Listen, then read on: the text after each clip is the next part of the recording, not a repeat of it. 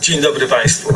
E, Dzisiaj mamy e, 25 sierpnia, E, jest minęła godzina 18. Rozpoczynamy debatę liderów. E, Dzisiejszym tematem e, będzie sytuacja międzynarodowa, w tym szczególne podkreślenie roli konfliktu, e, czy nie konfliktu, przepraszam, e, sytuacji na granicy polsko-białoruskiej. E, Są dzisiaj e, moimi Państwa gośćmi. E, Jest e, Paweł Przepióra z Młodej Prawicy. Witam. Jest y, Maciej y, Pitrzyk z pokolenia 2050, 2050. Witam. Jest y, Jakub Szostek z Młodych dla Wolności. Dzień dobry. Jest y, z nami też Witmaniewski ze Stowarzyszenia Młodzi Demokraci E, Dzień dobry panie redaktorze, dzień dobry państwu. oraz Kuba Wilski z Ostrej Zieleni. E, Nasz y, Dzień dobry. E, Nasz e, uczestnik, jeden z uczestników ma problemy techniczne, dlatego będziemy tutaj na bieżąco monitorować tę sytuację. Jeżeli dołączy, e, weźmie udział w naszej dzisiejszej debacie. Jeżeli nie, no to trzeba będzie popracować nad sprzętem. Mamy cztery pytania. Dla każdego są dwie minuty na odpowiedź na to pytanie, ustosunkowanie się i po pół minuty na adwocem. Na adwocem osoba, która odpowiedziała na pytanie, też może odpowiedzieć. Ma na to samo tyle, sam, tyle czasu, czyli pół minuty. Myślę, że możemy zacząć w e, kolejności, którą ustaliliśmy wcześniej, czyli zaczniemy od Adama. Mm, Którego nie ma, dlatego przejdziemy do Kuby e, z Ostrej Zieleni. E, I Kuba, e, pytanie dla Ciebie i dla wszystkich uczestników. Sytuacja na granicy z Białorusią. Tutaj chcielibyśmy ocenić zachowania polskich służb oraz ocen, ocenić plany, czy raczej już rzeczywistość budowy muru na granicy z Białorusią. Bardzo Dobrze. E, więc tak, jeśli chodzi o, zaczynając e, ocenę zachowania e, strażników na granicy, no to dla mnie jest oczywiste, że w momencie, gdy są tam uchodźcy, są osoby, które potrzebują pomocy, to osoby niosące pomoc powinny być do nich dopuszczone, nawet jeśli w prawie międzynarodowym tutaj będzie pewien problem z Białorusią, która nie wyraziła zgody na tą pomoc, to to, co mogą zrobić strażnicy Straży Granicznej, to przymknąć oko, jak ktoś będzie z tyłu przechodził, czy ktoś będzie przechodził obok. Um, Nie są w stanie oni zatrzymać każdej osoby próbującej, a szczególnie takiej, która chce właśnie przenieść pomoc dla uchodźców, ponieważ nie możemy zostawić tych osób na pastwę tylko dlatego, że rząd Białorusi, który wiemy, jak e, wykorzystuje ludzi, wykorzystuje tych biednych uchodźców z innych krajów. To nawet nie wykorzystuje już osób e, od siebie z kraju, tylko używa do tego innych potrzebujących ludzi. Więc my nie możemy teraz zostawić ich na pastwę losu, nie możemy teraz się martwić o to, czy e, rząd e, Białorusi, który jest spalony na arenie międzynarodowej, będzie uważał, że e, tutaj przepuściliśmy pomoc czy wsparcie dla biednych uchodźców. E, Druga sprawa, plan budowy muru, tutaj mam déjà vu, e, ta sama sprawa była e, w Ameryce, w Stanach, pomysł Trumpa o budowaniu muru i tak samo był to archaiczny pomysł wtedy, jest jeszcze bardziej archaiczny teraz. W XXI wieku nie chce wydawać pieniędzy państwowych na budowanie muru. Mur mogliśmy budować w jakimś VIII wieku, a nie w XXI. To jest szalone, że w ogóle chcemy pomysł tak stary i tak bezużyteczny przy tym, jak e, w tej chwili e, może wyglądać właśnie przedostawanie się. O wiele lepiej jest spożytkować te same pieniądze na przyjęcie tych osób do kraju. Już lepiej byłoby je gdzieś wysłać z pieniędzmi do innego kraju. To już byłoby tańsze niż budowanie jakiegoś głupiego muru, który nawet nie zadziała. Dziękuję. Oczywiście, dziękuję. Czy jakiś adwocem y, ktoś chciałby zgłosić? Jeżeli nie, to przejdziemy do e, Jakuba Szostka z Młodych dla Wolności. I to samo pytanie. E, Sytuacja na granicy z Białorusią. Ocena zachowania z perspektywy e, waszego, e, waszej frakcji ugrupowania polskich służb oraz plany budowy muru na granicy z Białorusią. Bardzo proszę. Ja bym chciał zaapelować przede wszystkim nie stawiajmy niczego e, ponad prawem. Polska wykładnia azylowa jest akurat tutaj e, w tym, w tym zakresie bardzo e, stanowcza. Mianowicie, jeżeli ci ludzie chcą się przydostać na terytorium Rzeczypospolitej Polskiej, mają takie prawo ubiegać się chociażby o azyl. Mogą to zrobić w każdej najbliższej polskiej jednostce konsularnej, czy też przy pomocy Straży, Straży Granicznej, no, która na miejscu jak najbardziej jest. Druga sprawa to jest, drugą kwestią jest też to, że no ta sprawa trochę jest zbyt medialnie, że tak mówiąc kolokwialnie, rozdmuchana, ponieważ na 418 km granicy z Białorusią od trzech dni wysłuchujemy informacji płynących z, z Górnego, z przejścia granicznego w Usnarzu Górnym. Tak jakby re, reszta granicy z Białorusią zapadła się pod ziemię. E, no i tutaj trzeba stanowczo potępić zachowanie posła Koalicji Obywatelskiej Franciszka Sterczewskiego, no, który e, no, chciał złamać prawo, e, mianowicie artykuł 264 kodeksu karnego, paragraf drugi, że, który zabrania pod karą trzech lat pozbawienia wolności przekraczania granicy Rzeczpospolitej Polskiej nie podporządkując się, nie podporządkowując się e, komunikatom Straży Granicznej. Oczywiście tutaj trzeba jak najbardziej e, stanąć, mówiąc, mówiąc kolokwialnie, murem ze strażnikami granicznymi. Oni no, wykonują swoje rozkazy, może robią to w dobry, zły sposób, w każdym razie robią bardzo dobrą e, robotę, mówiąc kolokwialnie. A co do pomysłu budowy muru, no jest to zbyt daleko idący pomysł moim zdaniem obecne zasieki moim zdaniem wystarczą. Dziękuję. Oczywiście, dziękuję bardzo. E, nie widzę e, tutaj żadnego ad vocem. Jeżeli ktoś e, chce, to bardzo proszę. Jeżeli nie, to przechodzimy do tutaj naszego kolejnego przedstawiciela, czyli Maciej Fitrzyk z pokolenia 2050. Bardzo Cię proszę. Powtórzę jeszcze raz pytanie. Sytuacja na granicy z Białorusią, ocena zachowania polskich służb oraz plany budowy muru. I tutaj też ocena tej, tych, tych planów. Jak Wy to oceniacie? Y, przede wszystkim warte jest y, podkreślenia to, że służby na granicy wykonują swoje obowiązki, rozumiejąc przy tym e, trudną sytuację e, uchodźców. Tak? Natomiast obowiązkiem, e, obowiązkiem państwa jest zabezpieczenie tych granic i to nie podlega żadnej dyskusji. Natomiast my też nie możemy zapominać o tym, że reakcja polskich służb co do tej sytuacji no, była trochę spóźniona. No ale Łukaszenka tą cyniczną grą na ludzkiej tragedii po prostu wywołuje też na Europie i Unii Europejskiej po prostu tak, że, że wyśle do nas falę uchodźców. Natomiast my też nie możemy tych, tych e, uchodźców po prostu pozostawiać na, państw, na pastwę losu Łukaszenki, no bo czym oni są widni, żeby po prostu skazywać ich na, na te cierpienia na granicy z Białorusią. E, co do kwestii muru, no za mur zapłacimy za niego wszyscy. Pytanie jest tylko, czy spełni on swoje oczekiwania, czy będzie on po prostu granicą dla również tych legalnych uchodźców, którzy będą starali się w Polsce o azyl, o, o, o prawo do bezpiecznego po, pobytu, czy będzie po prostu odcięciem się od granicy z Białorusią i od również pomocy dla, dla, dla, dla uchodźców, e, który nie spełni swoich oczekiwań, a zapłacimy za niego my wszyscy z naszych podatków.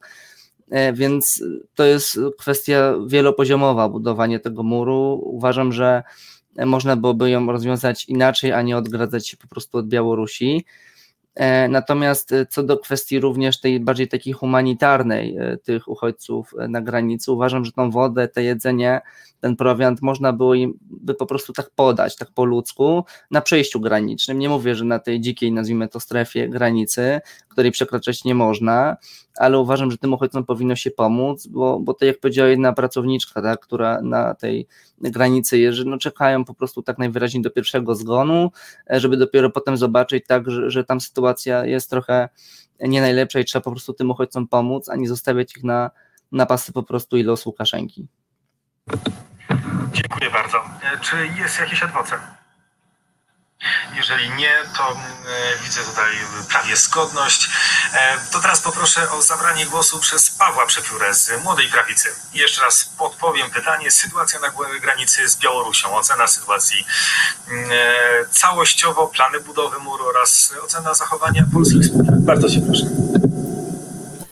No, sytuacja na granicy bez wątpienia nie jest e, dziełem przypadku. Myślę, że nie trzeba być tutaj ekspertem, aby zauważyć, że e, dyktator ze wschodu, jakim jest e, Łukaszenka, wykorzystuje niewinnych ludzi, ich tragedię do swojej zwykłej politycznej gierki i wydaje mi się, że każdy to zauważa i każdy to potępia, oczywiście z państw, że tak powiem, demokratycznych, zachodnich. Działanie Łukaszenki jest absolutnie obrzydliwe i mimo, że dalej w polskiej polityce zdarzają się politycy, którzy próbują jakkolwiek mówić, że nie jest taki zły. No mamy tu przykład na przykład Jacka Wilka z Konfederacji, który bardzo lubi e, pana Łukaszenkę bronić, to mi się wydaje, że raczej większość osób tutaj się zgodzi, że e, to, co pan Łukaszenka robi, jest absolutnie obrzydliwe i nie można tego w żaden sposób usprawiedliwiać i popierać. Jeżeli chodzi o budowę muru, no to ja ekspertem od murów nie jestem. E, Nie wiem, czy one mają dalej zastosowanie w XXI wieku, czy nie mają. Jakby nie jestem ekspertem w tym temacie. Wiem jednak też, że nie jesteśmy w takim temacie e, odosobnieni, bo jak wiemy, Litwa, Łotwa oraz Estonia e, podobne instalacje e, starają się budować. E, Co prawda na granicy z Rosją, ale z tego co pamiętam, to na Litwie chyba także ma to e, być na granicy właśnie z Białorusią. E, No i myślę, że jako tako, jakakolwiek odpowiedź na agresję ze strony Moskwy i Mińska, e, agresję, która nie jest bezpośrednia, ale no, pośrednia z pewnością, powinniśmy odpowiadać. Czy to jest dobra odpowiedź? E, Nie wiem, wydaje mi się, że mogę zgodzić się z poprzednikami, że e, plany budowy muru jakiegoś szczególnego są zbyt daleko idące, jednakże na pewno jest to jakaś odpowiedź. Em, a służby, no służby robią e, co mogą i co powinny robić. E, Musimy także się postawić w sytuacji tych służb. E, To są ludzie, którzy bronią e, Rzeczpospolitej Polskiej, bronią naszych granic, a są e, atakowani różnymi obrzydliwymi określeniami, obrzydliwymi słowami w kierunku przez e, polityków, którzy rzekomo są e, elitą, a jak, jak widać po dyskursie, po debacie publicznej, nie wykazują żadnych przesłanek, żeby tą elitą niektórzy mieli być. Dziękuję. Oczywiście, dziękuję. Czy jest jakiś adwocem? Jeżeli nie ma, to teraz przejdziemy e, do Wita Maniewskiego z e, Młodych Demokratów i później na samym końcu tej kolejki będzie Adam Boch z Młodej Lewicy, który właśnie teraz do nas dołączył. Także bardzo proszę.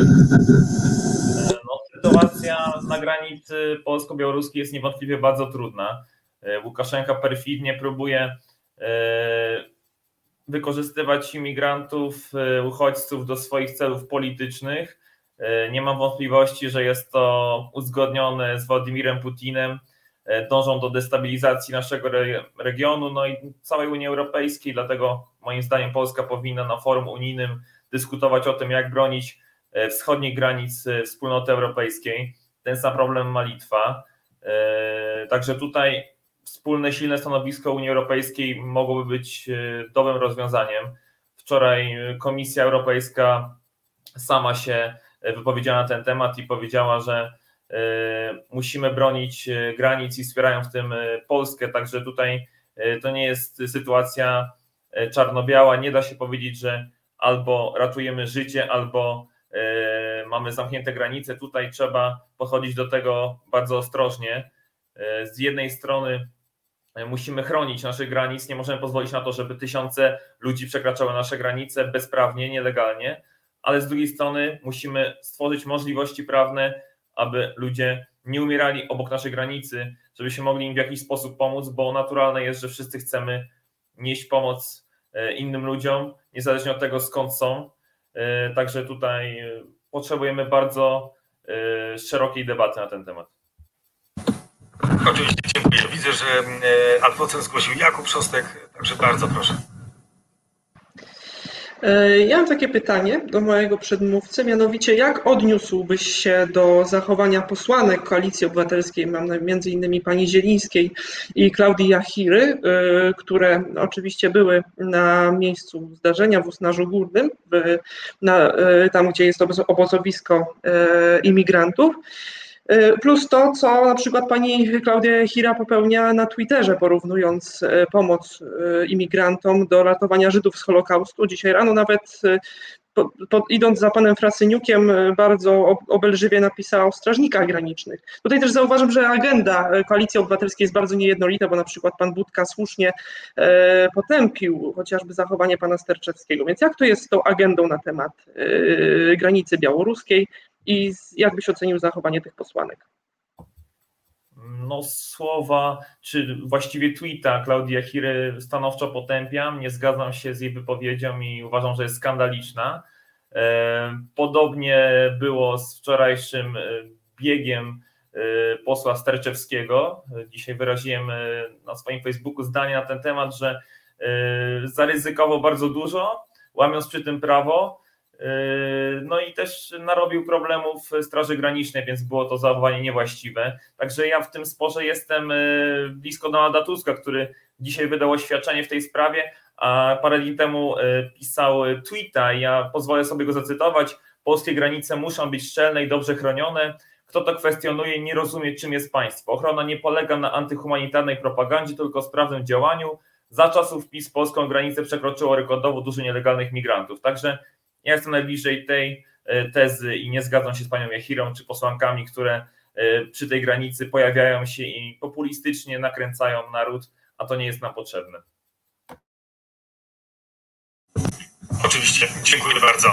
E, tutaj głos chce zabrać Kuba Wilski, dlatego myślę, że w następnym pytaniu e, Jakub e, jeszcze dopowie. I teraz przechodzimy do Adama Bocha z Młodej Lewicy. Bardzo Ci proszę. E, sytuacja na granicy z Białorusią, ocena zachowania polskich służb oraz plany budowy muru. Jak z Twojej perspektywy, jak wygląda ocena tej sytuacji? Dobry wieczór, mam, mam nadzieję, że mnie słychać. Okej, okay, dobrze, bardzo się cieszę. E, w takim razie um, sytuacja jest e, bardzo prosta. Otóż, e, tak jak tutaj na przykład pan Bartłomiej Stroiński napisał na Twitterze, zgodnie z wszystkimi zdjęciami satelitarnymi, to koczowisko znajduje się już po polskiej stronie, więc Straż Graniczna obecnie łamie prawo, łamie konwencję genewską, polską konstytucję i generalnie prawo międzynarodowe, nie udzielając um, nie pozwalając uchodźcom ubiegać się o azyl na terenie Rzeczpospolitej. Pragnę też jakby zwrócić się do, e, do, do mojego przedmówcy Wita, bo poseł Sterczewski zachował się nad, e, nad wyraz dobrze i nie rozumiem tej krytyki, która płynie z ust e, od prawej strony, na przykład od europosła Jakiego, aż po Borysa Budkę, ponieważ to zachowanie naprawdę jest jest godne podziwu. Sytuacja jest dramatyczna w tym koczowisku. Polska oczywiście powinna e, swoich granic e, skutecznie bronić, jednak my nie możemy e, uważać, że kobiety z dziećmi, czy obecnie umierająca w tym koczowisku 52-latka, to są wrogowie Polski, przed którymi musimy się bronić albo do których strzelać. Polska naprawdę e, ma długą tradycję przyjmowania uchodźców z różnych krajów już od XVI e, wieku, także naprawdę nie rozumiem, czemu dzisiaj w XXI wieku tak zamykamy się na uchodźców z takich krajów jak Irak, Somalia czy Afganistan. Mam nadzieję, że Rzeczpospolita Polska będzie państwem, e, które naprawdę będzie dobrze reagowało na takie konflikty, również na, na, takie kryzysy, przepraszam, e, również w przyszłości, ponieważ e, pragnę przypomnieć, że zbliża się e, wielki kryzys migracyjny związany z kryzysem klimatycznym. Dziękuję bardzo. Dziękuję bardzo. Teraz adwocem chcę zabrać głos Witmaniewski. Bardzo proszę, Witam. Zostałem wywołany na temat posła Steczewskiego, więc odpowiem. Wyobrażam sobie sytuację, w której poseł Steczewski dynamicznie przekracza granicę polsko-białoruską i zostaje postrzelony lub aresztowany przez e, służby białoruskie. W tym momencie mamy bardzo trudną sytuację dyplomatyczną, no i możliwe, że otwarty konflikt z Białorusią. Dla mnie to jest e, zachowanie niedopuszczalne, żeby poseł na Sejm robił takie rzeczy.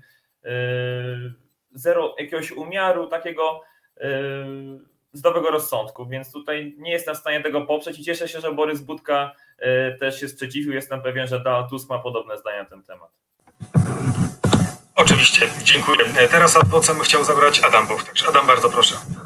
Ja, ja, tylko krótko odpowiem, że tak jak powiedziałem w swojej wypowiedzi poprzedniej, zgodnie z wszystkimi e, danymi, to są ziemie, które należą do powiatu sopulskiego, więc znajdują się po polskiej stronie.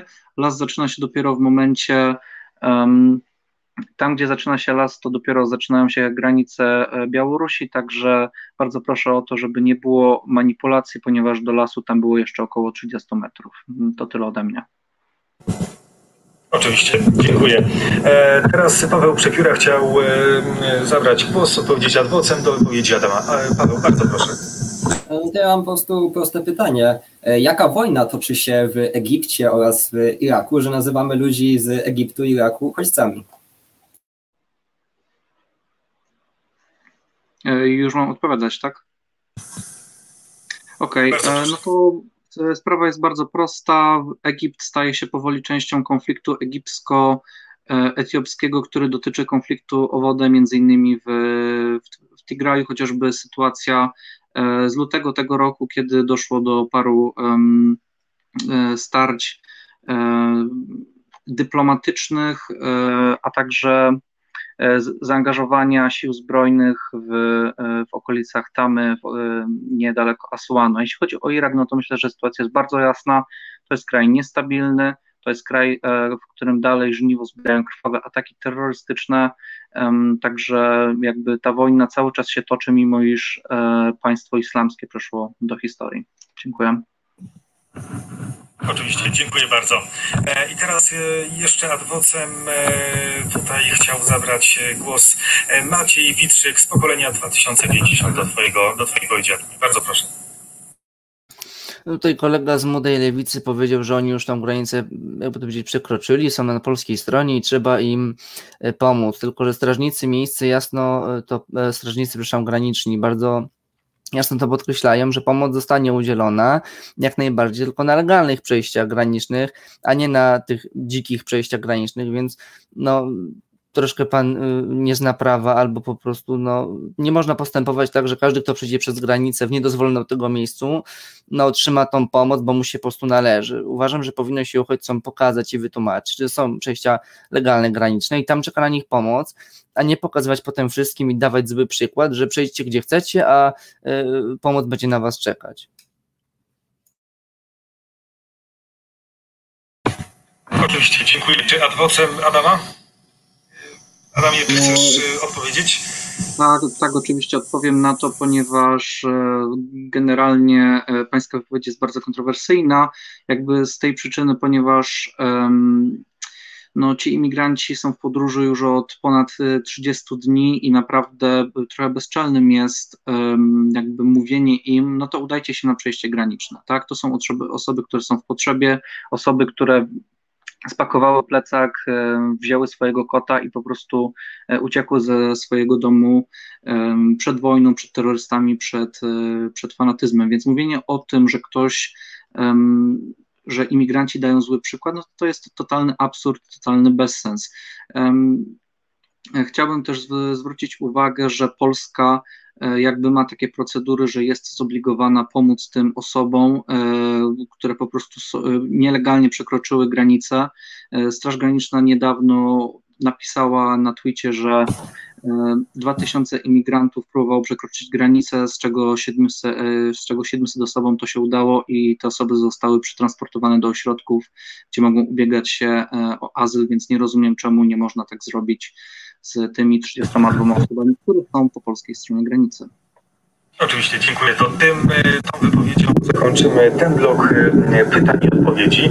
E, Kolejne pytanie będzie dotyczyło i będzie też kierowane znowu do Adama. Będzie dotyczyło sytuacji w Afganistanie i o reakcji władz polskich i europejskich. Czy ona była wystarczająca, czy też nie. I bardzo proszę, by tutaj Adam zajął stanowisko. Bardzo proszę.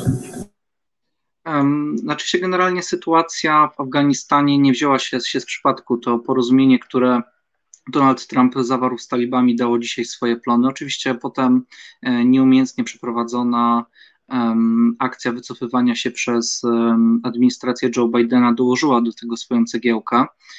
Em, Sytuacja w Afganistanie jest obecnie trudna. Te wszystkie lata, gdzie mm, rząd Afganistanu we współpracy z organizacjami pozarządowymi czy państwami europejskimi e, zaczął wprowadzać odważne reformy na temat edukacji, praw kobiet. One teraz, te, te wszystkie reformy zostały za, zaprzepaszczone.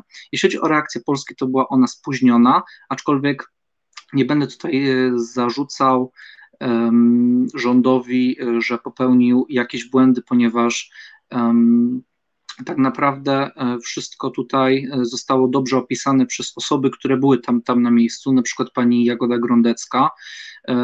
Miałbym jedynie pretensje do obecnego ministra Zbigniewa Rała, że e, no, nie był w tym obecny i że nie dawał przykładu jako szef dyplomacji, jak to należy obecnie robić. Mm, Dziękuję bardzo.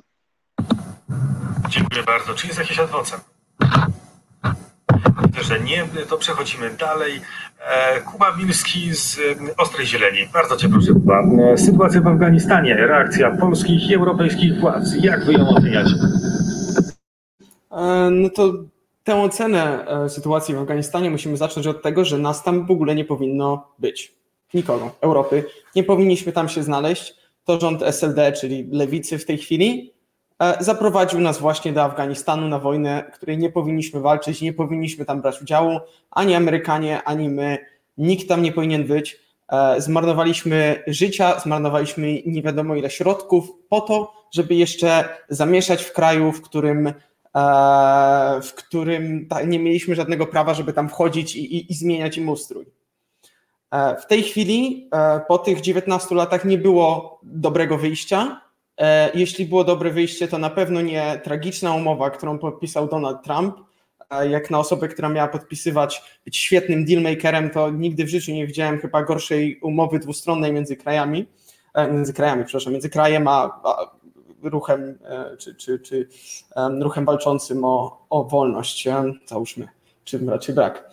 Natomiast na tę chwilę te działania, czy było ich zdecydowanie zbyt mało, ale trudno jest w tej chwili naprawdę źle oceniać e, tutaj działania Polski, ponieważ e, no, teraz to, co możemy zrobić, to pomóc uchodźcom. uchodźcom. To jest e, to, na czym powinniśmy się teraz skupić, to jest to, co powinniśmy reformować, powinniśmy skupić się na pomocy uchodźcom, ponieważ nie było dobrego sposobu na wyjście z Afganistanu, a nawet jeśli był, to my nie mieliśmy szans go przeprowadzić, bo wiadomo, który kraj miał tam największe wojska i który kraj decydował de facto, w jaki sposób wyjdziemy z Afganistanu. Dziękuję bardzo. E, Teraz bardzo proszę, Jakub Szostek z Młodych dla Wolności. Sytuacja w Afganistanie i reakcja polskich i europejskich władz. Zgodzę się z moim prze- przedmówcą. Naszych wojsk, ani też, chociaż tutaj za, za Stany Zjednoczone może nie powinienem się wypowiadać, naszych wojsk, wojsk polskich nie powinno być absolutnie w Afganistanie. I to tylko te 20 lat obecności wojsk sojuszniczych pokazują, jak na marne, jak na próżno zostały. Zostały poniesione ofiary, straty w ludziach, straty w naszych żołnierzach, po to, tylko, po, tylko po to, żeby administracja amerykańska Donalda Trumpa właśnie zawarła porozumienie z talibami i jeszcze, żeby kolejna administracja Joe Bidena właśnie ją nieumiejętnie wykonywała. E, Szkoda tych wszystkich e, ludzi, którzy zaangażowali się w ten konflikt, którzy oddali za to życie. No to nie powinno być miejsca. Powinniśmy raczej e, dbać o własny ogródek niż zbawiać resztę świata. I tu też należy się uznanie za szczerość dla, dla Joe Bidena, który powiedział, że interesy amerykańskie w Afganistanie się skończyły, więc się stamtąd, mówiąc kolokwialnie, wynosimy. E, Drugą kwestią jest to, e, że władze polskie obecnie spóźniły się z reakcją e, na przejęcie chociażby Kabulu przez talibów, ponieważ e, dopiero po trzech dniach e, Ministerstwo Obrony Narodowej zorganizowało jakikolwiek transport dla polskich, dla polskich żołnierzy i współpracowników afgańskich. E, Kiedy to inne państwa robiły to już od razu, i tu też nie wiadomo, czy tu się należy śmiać, czy płakać z tego, że jeden, przez 11 dni, kiedy talibowie odzyskiwali, jeśli można to tak nazwać, e, tereny Afganistanu, dopiero na dwa dni przed zajęciem Kabulu e, służby dyplomatyczne amerykańskie zaczęły alarmować, że trzeba dokonać ewakuacji i tutaj trzeba chylić czoła, tak jak słusznie to podkreślił Krzysztof Bosak, dla Radosława Sikorskiego, który w 2014 roku usunął polskie służby konsularne z Kabulu. Dziękuję bardzo. E, Nie widzę żadnego adwocem, dlatego teraz e, przejdziemy do Macieja Wietrzyka z pokolenia 2050. I e, Maciu, jak widzicie sytuację w Afganistanie i dokładnie reakcję władz polskich i europejskich na, europejskich na ten konflikt? No, ja tu się zgodzę z moimi przedmówcami. Rzeczywiście nas, y, polskich wojsk, tam w ogóle nie powinno być. Natomiast y, sytuacja y, w, Afganistanie y, pokazuje to, zresztą ogólnie z Afganistanu trzeba było wyjść, tak? Zyski niewspółmierne do, do, do, do, y, do, do kosztów finansowych i przede wszystkim ludzkich, tak? Ilość ofiar również na tej wojnie to są po prostu ludzkie ludzkie życia. Tak jak mówiłem wcześniej, według mnie reakcja polskich władz była troszeczkę spóźniona. Można było oczywiście to rozwiązać lepiej, zawsze coś można, można zrobić lepiej, zawsze coś można zrobić, zawsze coś można po prostu poprawić. Natomiast cała ta sytuacja w Afganistanie, którą teraz widzimy, no, wynika z, z błędów popełnionych przy wycofywaniu tych wojsk. E, I to, co po prostu teraz ten orzech, który do zgryzienia, musimy sobie z nim, z nim jakoś poradzić, tak? Aczkolwiek to też jest e, przykład, nawiązując jeszcze do tego, co się dzieje na granicy, złej, złej dyplomacji, złej polityki zagranicznej, którą PiS ewidentnie nie umie po prostu grać. E, nie mamy wokół siebie sojuszników, bo ze wszystkim się już pogryźliśmy. No a tym ludziom po prostu trzeba, trzeba jakoś pomóc. Przede wszystkim trzeba pomóc y, kobietom, y, które są narażone teraz y, na po prostu prześladowania talibów, no i dzieciom, tak, tak dać schronienie i, i po prostu tym ludziom po ludzku po prostu pomóc. Dziękuję bardzo. E, nie widzę adwocem, dlatego teraz przejdziemy do Pawła Przepióry z Młodej Prawicy. Paweł, jak wy się zapatrujecie na sytuację w Afganistanie i reakcje polskich i europejskich władz? Bardzo proszę. E, no to wydaje mi się, że także zgodzę się z przedmówcami, że wojsk polskich e, w Afganistanie być nie powinno. A sama akcja władz polskich, mimo że oczywiście, tak jak wcześniej zostało to powiedziane, trochę spóźniona, jednak była wystarczająca i tak samo państw innych Europy ta reakcja była wystarczająca. Oczy świata są teraz zwrócone w kierunku bardziej Stanów Zjednoczonych, które przez polityczne naciski nowego prezydenta e, Bidena zrobiły, trochę się skompromitowały w oczach tego świata, e, tą całą ewakuacją, całą sytuacją. Nieraz pojawiają się porównania do ewakuacji z Wietnamu, gdzie Ameryka także poniosła e, klęskę. E, także będziemy musieli na pewno patrzeć, jak Stany Zjednoczone będą reagować na tę całą sytuację, ponieważ od tego wiele zależy też na naszym rodzimych terenach ponieważ e, no, Stany Zjednoczone to jest gwarancja e, Polski, która jest bezpieczna od e, agresji, od takiej otwartej, pełnej agresji Federacji Rosyjskiej, więc musimy sytuację obserwować. A jeżeli chodzi o Afganistan, to jest to też dobry przykład tego, jak rewolucyjne zmiany, niezależnie od tego, czy je oceniamy dobrze, czy niedobrze, ale jednak rewolucyjne, jakie one mają potem skutki, jakie są jej efekty.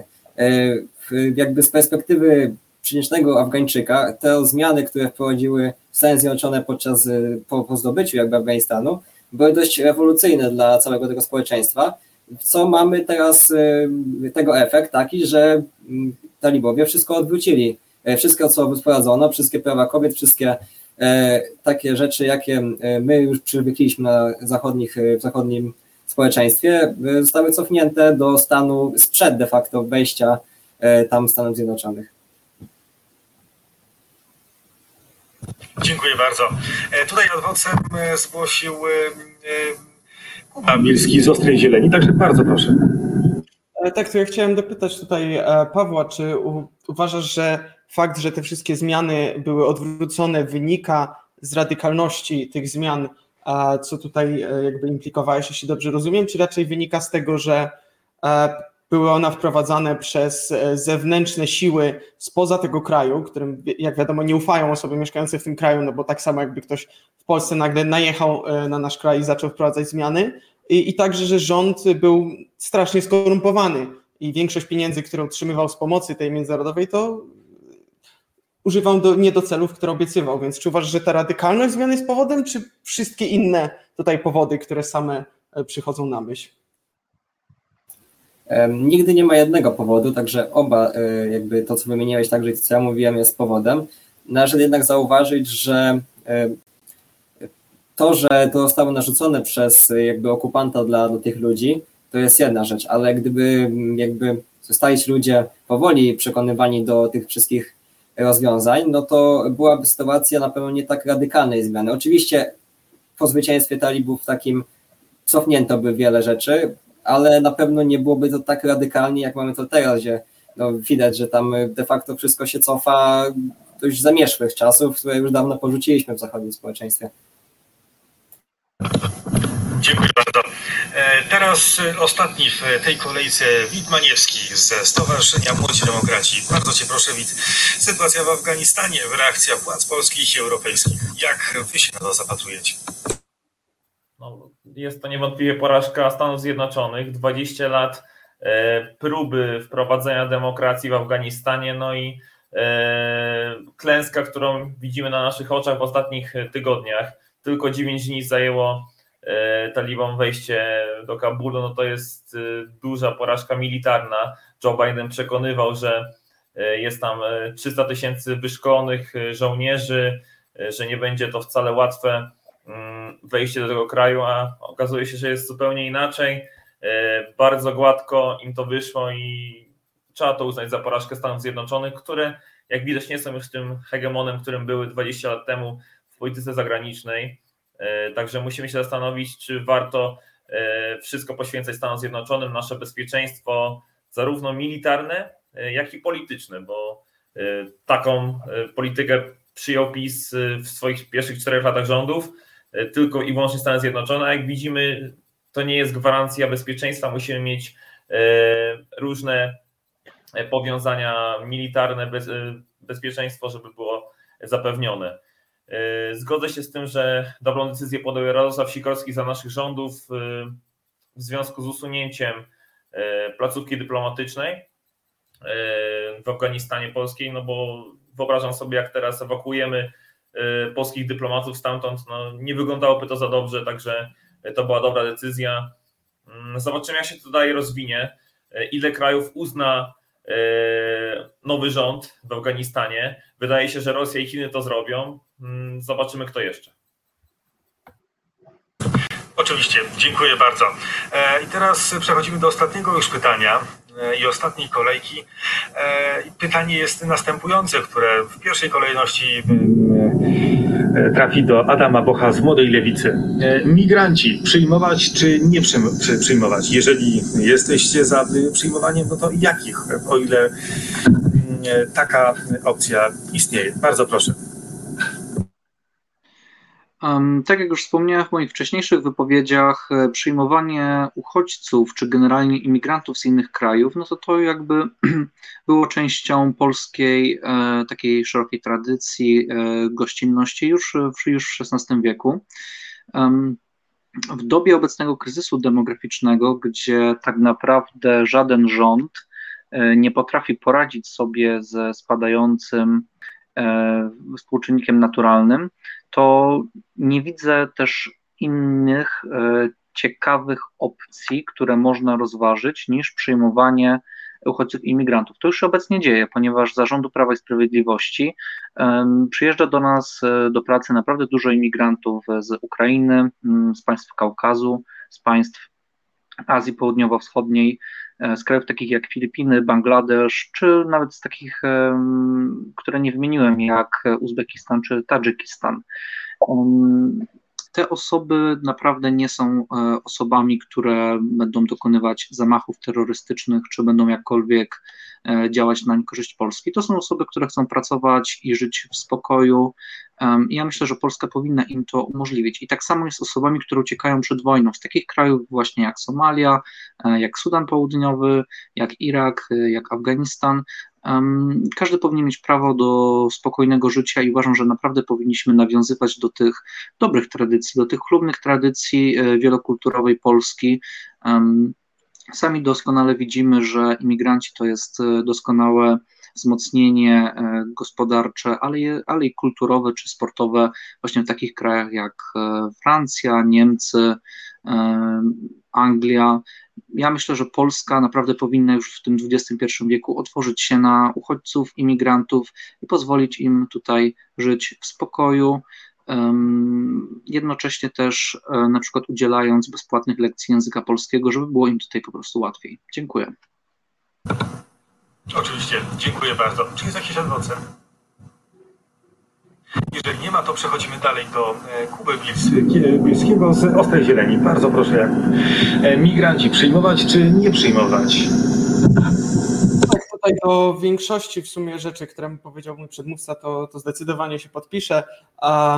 Pod tym nie powiedziałbym, powiedziałbym, że nie tylko tradycje z 1600, natomiast w trakcie II wojny, kiedy to my potrzebowaliśmy e, właśnie pomocy z przyjmowaniem uchodźców z naszego kraju, to wtedy tą pomoc w dużej mierze otrzymywaliśmy, więc e, to jest, to jest smutne, że w tej chwili tylko 11% osób, które aplikują do nas o ten status, status uchodźczy, a to nie jest dużo osób, bo 3,5 tysiąca w 2020 roku, tylko 11% z nich otrzymuje pozytywne rozpatrzenie ich wniosku.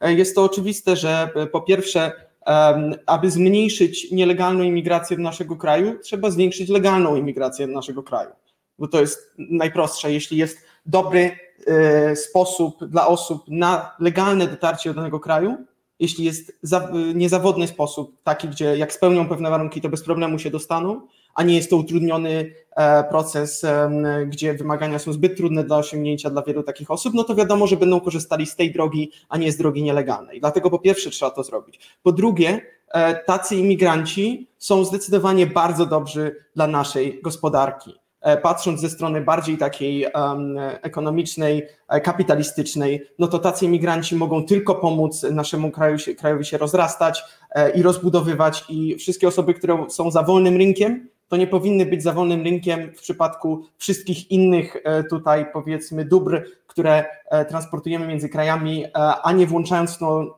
zasobu ludzkiego, który także między granicami może podróżować. Powinniśmy uchodźców oczywiście nie wpuszczać każdego, tylko osoby, które e, sprawdzone są w jednak krótkim e, i wystarczającym e, postępowaniu, aby zobaczyć, czy nie, ma, nie są karani prawnie. A tak to jak najbardziej wpuszczać. To jest dobre naszej gospodarki, dobre naszej kultury, dobre dla nas i jest czymś, co my jako Polacy powinniśmy zrobić po tym, co, jakiej pomocy, jaką pomoc my otrzymywaliśmy z całego świata podczas II wojny światowej. Oczywiście, dziękuję. E, teraz przechodzimy do Jakuba Szostka z Młodych dla Wolności. I e, jak ty, Jakub, e, widzisz migrantów i przyjmowanie ich, bądź nie przyjmowanie? Rozpocznijmy na początku od rozróżnienia tych dwóch terminów, uchodźca i imigrant. Uchodźca, zgodnie z prawem międzynarodowym, jest to osoba, która z kraju otoczonego konfliktem ucieknie do najbliższego kraju, w którym trwa pokój. No, Polska dla tych uchodźców chociażby z Białorusi nie jest krajem, takim krajem. Polska formalnie uchodźców przyjąć nie może.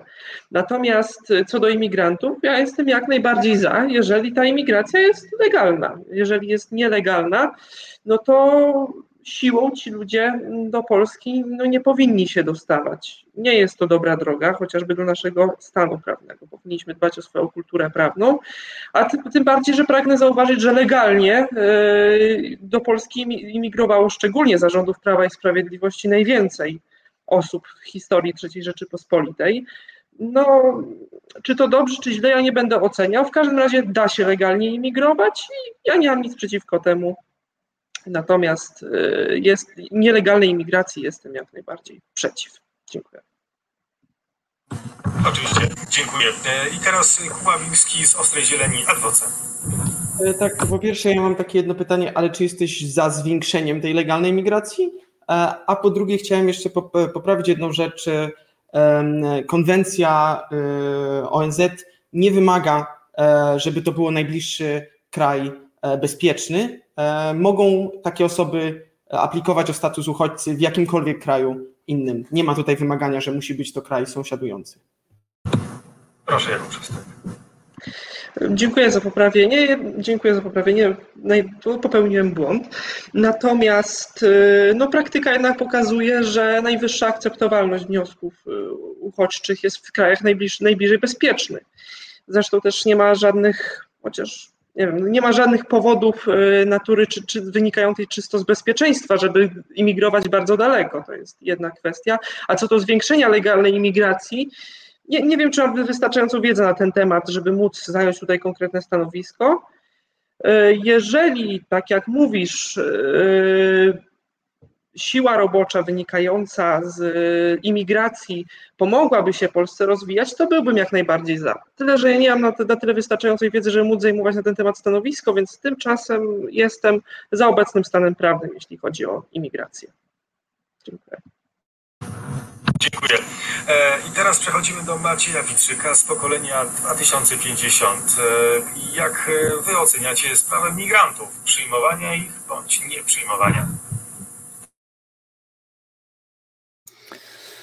Tutaj powinno postępować się zgodnie z obowiązującym prawem międzynarodowym, przyjąć tych imigrantów, którzy legalnie mogą złożyć dokumenty. No i, pomóc tutaj przede wszystkim kobietom, tak, no bo to one są najbardziej narażone teraz w tej całej sytuacji. I dać po prostu im schronienie, tak? Polakom przecież też pomagano, na przykład Iran 1942, gdzie przyjęto około 120 tysięcy polskich uchodźców z ZSRR, w tym 13 tysięcy dzieci, i mogliśmy tam spokojnie kultywować swoją wiarę i obchodzić święta katolickie, i przy okazji znacznie przyczynić się do rozwoju tego kraju, więc nie widzę, żeby w Polsce również ci legalni uchodźcy mogli po prostu tworzyć również tutaj i się po prostu kształcić i pracować. Natomiast co do kolejnych kwestii, no to ważnym też w postępującym dalszym biegu sytuacji, którą teraz widzimy, będą możliwe gangi przemytników, tak? To będzie kolejny problem, który będzie narastał i z tym będzie trzeba sobie poradzić, bo z pewnością gangi przemytników będą chciały tą całą tragedię wykorzystać do własnych celów i z tym polskie państwo będzie chciało, będzie musiało walczyć. Pytanie, czy obecna władza sobie, sobie z tym poradzi i na ile ta bezczynność na tej granicy nam po prostu nie dołoży kolejnych problemów. Jeżeli chodzi o kolejną kwestię, czyli uchodźców tych legalnych, przyjmować się powinno jak najbardziej i powinno się tą dostępność zwiększyć. Natomiast, tak jak powiedziałem wcześniej, nie mamy wokół siebie po prostu sojuszników, bo ze wszystkimi się pogryźliśmy. W 2015 roku nie byliśmy solidarni z innymi krajami Unii Europejskiej, które wtedy te fale migrantów do siebie przyjmowały. No i teraz musimy sobie po prostu poradzić sami przy wsparciu Litwy oraz pozostałych krajów granicznych z Białorusią. Pytanie, na ile skutecznie nam to wszystko wyjdzie, bo tym ludziom trzeba pomóc. To jest ludzkie życie, a my nie możemy sobie nim grać, czy nam się podoba, że, że przyjmiemy matkę z dzieckiem, czy uznamy, że nie, bo ona nam się po prostu nie podoba, niech sobie na tej granicy koczuje. Ja jestem również za przyjmowaniem pełnych rodzin i osób, tak jak tutaj wspomniał mój, mój przedmówca, które rzeczywiście nie były karane i, i legalnie złożą dokumenty ubiegające się po prostu o, o prawny pobyt w naszym kraju. Oczywiście, dziękuję jeszcze, bardzo. Mogę jeszcze, jeszcze, jeszcze, jeszcze, jeszcze 10 sekundek. Chciałbym jeszcze zaznaczyć, żeby nie podgrzewać dodatkowo po prostu atmosfery nieprzemyślanymi wypowiedziami, na przykład jak ostatnia Władysława Frasyniuka. Oczywiście, dziękuję bardzo. Teraz przechodzimy do Pawła Przepióry z Młodej Prawicy. Jak co Paweł sądzi na temat migrantów i przyjmowania ich bądź nie przyjmowania, przyjmowania na teren Polski? No jeśli chodzi o imigrantów zarobkowych, to mi się wydaje, że tutaj raczej wszyscy możemy się zgadzać, że to są ludzie, którzy mogą jak najbardziej przyjechać do Rzeczypospolitej Polskiej, wszak właśnie za rządów, jak już tutaj kolega z Młodych do Wolności bodajże wspomniał, było tych imigrantów najwięcej. Także to są ludzie, którzy jak najbardziej zasilają naszą siłę roboczą i wydaje mi się, że oprócz Krzysztofa Bosaka, który boi się Hindusów Uber Eats, raczej nie ma z tym problemu. A co do uchodźców, no to tu już jest temat troszeczkę inny, ponieważ tych legalnych uchodźców aż tak dużo niestety nie ma. Dużo, dużo tych uchodźców przybywa do naszych granic nielegalnie i, i my jako porozumienie, w sensie no my jako Młoda Prawica, która jest młodzieżówką partii Porozumienia, jesteśmy jakby ugrupowaniem centroprawicowym i jest dla nas ważna etyka chrześcijańska.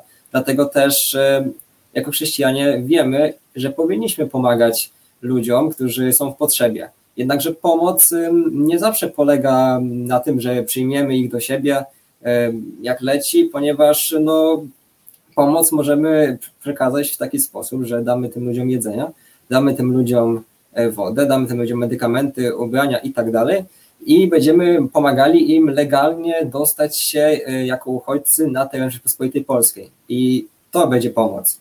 E, Pomocą nie będzie wpuszczenie tych ludzi bez sprawdzenia od razu, e, jak e, niektóre lewicowe ugrupowania się tego domagają. Oczywiście, dziękuję bardzo. Teraz e, ostatni już, e, Wit Maniewski z Młodych Demokratów. E, Co ty, Wit, sądzisz na temat migrantów? Przyjmowania ich bądź nieprzyjmowania? I tutaj jeszcze pojawił nam się przed twoją wypowiedzią, bardzo proszę, rzecz, głos zabierze Kuba Wilski. Chyba do wypowiedzi Pawła Przepióry. Tak, tutaj jeszcze chciałem powtórzyć jedną rzecz, bo sam to powiedziałem i tu dwie osoby się zgodziły, że też trzeba pamiętać, że to sprawdzanie, jeżeli chodzi o niekaralność, trzeba wziąć pod uwagę, z jakiego reżimu są osoby, e, bo jeśli osoby były karane, natomiast były karane na przykład z takiej Białorusi, karane za to, że się sprzeciwiały rządowi, e, no to to nie jest coś, co powinno być brane pod uwagę, tylko i wyłącznie tutaj e, rzeczy e, e, poważne, e, zbrodnie kryminalne. Dziękuję. E, Tak, oczywiście. Mówimy tutaj tylko właśnie o takich rzeczach, jakieś tam kradzieże czy, tego typu rzeczy. Nie mówimy tutaj o karach, dlatego że ktoś według prawa państwa członkowskiego ucieka, e, zrobił coś źle, co w naszym prawodawstwie e, nie jest zabronione i czy jest jakby całkowicie legalne. Oczywiście. E, Dziękuję bardzo. I teraz, e, jak już mówiłem wcześniej, przechodzimy do Wita Maniewskiego z Młodych Demokratów. Przede wszystkim powinniśmy podchodzić do sprawy migracji zdroworozsądkowo, tak jak do każdego obszaru polityki państwa. E, Migrantów w Polsce nie brakuje, to nie jest tak, że w ogóle ich nie przyjmujemy. E, W Polsce pracuje około miliona Ukraińców, e, nie wiemy ilu e, nielegalnie, więc te liczby mogą być znacznie wyższe. Nie widzę problemu w tym, aby ich przyjmować. Kluczowe jest to, abyśmy robili to zgodnie z prawem, zgodnie z procedurami, które są zarówno na forum polskim, jak i unijnym przewidziane. Także jeśli chodzi o migrantów, to nie powinno to być problemu. Powinno się wszystko po prostu e, dokonywać e, zgodnie z prawem. A jeśli chodzi o uchodźców e, z krajów, gdzie toczy się wojna, no to sytuacja jest bardzo podobna. Kluczowe jest to, żebyśmy nie przesadzili, ponieważ w momencie, gdy jest to źle zarządzane, widzieliśmy tego skutki w 2015-16 w Niemczech czy Włoszech, gdzie tych uchodźców było bardzo dużo. Doprowadziło to do sytuacji niebezpiecznych, gdzie powstawały getta z osób e, uchodźczych, no i wzrosła przestępczość w tych państwach, e, dochodziło do różnego rodzaju zamachów, także e, ważne jest, abyśmy byli cały czas uważni co do tego, jak dokonujemy relokacji takich osób, gdzie będą pracować, gdzie będą mieszkać, skąd pochodzą, jakie są ich cele, więc tak to widzę. Oczywiście, dziękuję bardzo. Nie pojawiło się żadna vocem, w związku z tym e, dzisiaj będziemy już e, kończyć naszą debatę. Moimi Państwa gośćmi e, był Adam Boch z Młodej Lewicy, Dziękuję bardzo za, za zaproszenie. Kuba Bilski z e, Ostrej Zieleni Dziękuję wszystkim za oglądanie i słuchanie naszej debaty, za rozmowy. i Jakub Szostek z Młodych dla Wolności, Dziękuję bardzo. Maciej Fitrzyk z pokolenia 2050, Dziękuję bardzo za zaproszenie i za obecność. Paweł Przepióra z Młodej Prawicy Dziękuję bardzo i do zobaczenia. oraz Wit Maniewski ze Stowarzyszenia Młodzi Demokraci. Dziękuję za zaproszenie i kulturalną dyskusję. Ja też dziękuję Państwu bardzo. Prowadziłem ja, Jakub Lewandowski i widzimy się dokładnie o tej samym, o tej samej godzinie w przyszłym tygodniu. Dziękuję Państwu bardzo. Do zobaczenia.